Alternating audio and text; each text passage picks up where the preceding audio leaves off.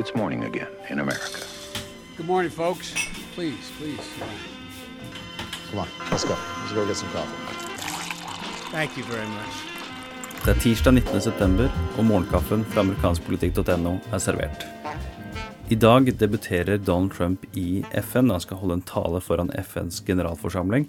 Men allerede i går kom han med kommentarer om at FN-byråkratiet er altfor tungrodd, og at det svekker organisasjonens arbeid. Kommer nok til å komme mer om det, og Trump sa bl.a. at budskapet hans nok er 'Make the United Nations Great'. Jeg vet ikke om han har solgt så mange capser med det mottoet på, men en annen sak som er langt viktigere i mine øyne i dag, er CNNs rapport om at Paul Manafort, Donald Trumps tidligere valgkampmanager, ble avlyttet av FBI helt tilbake til 2014, og denne avlyttingen, med et lite avbrekk, strakk seg helt fram til tidligere i år.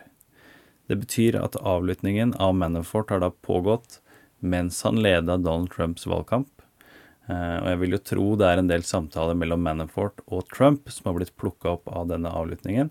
Og bakgrunnen her var jo Manaforts arbeid bl.a. i Ukraina. Eh, så det her starta jo da før Donald Trump kom på radaren. Eh, både til Manafort og senere FBI og spesialetterforsker Robert Mueller. Kort og godt, Russland-saken ruller videre. Vi har enda ikke hørt det siste her. Eh, I dag har jo også New York Times en, eh, en sak om hvordan eh, hjemmet til Paul Manafort i Virginia ble raida i sommer, der han bl.a. lå hjemme mens låsen ble dirka og FBI.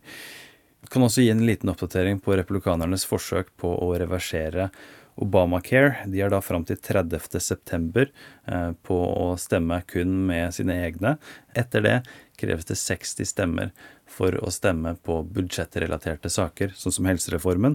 Eh, det vil da bli umulig. Fram til den tid så er det senatorene Lindsey Graham fra South Carolina og Bill Cassidy fra Louisiana som har et lovforslag eh, for å reversere Obamacare. Men det ser ikke ut til at Congressional Budget Office Eh, CBO eh, får tid til å gjennomføre noen analyse av dette helsereformforslaget, noe da kritikere sier at eh, det vil være uansvarlig å da gå videre på det her. Positive for tilhengere av å gjøre noe med Obamacare her, er jo at da potensielt negative aspekter ved reformen ikke blir kjent før det stemmes på reformen.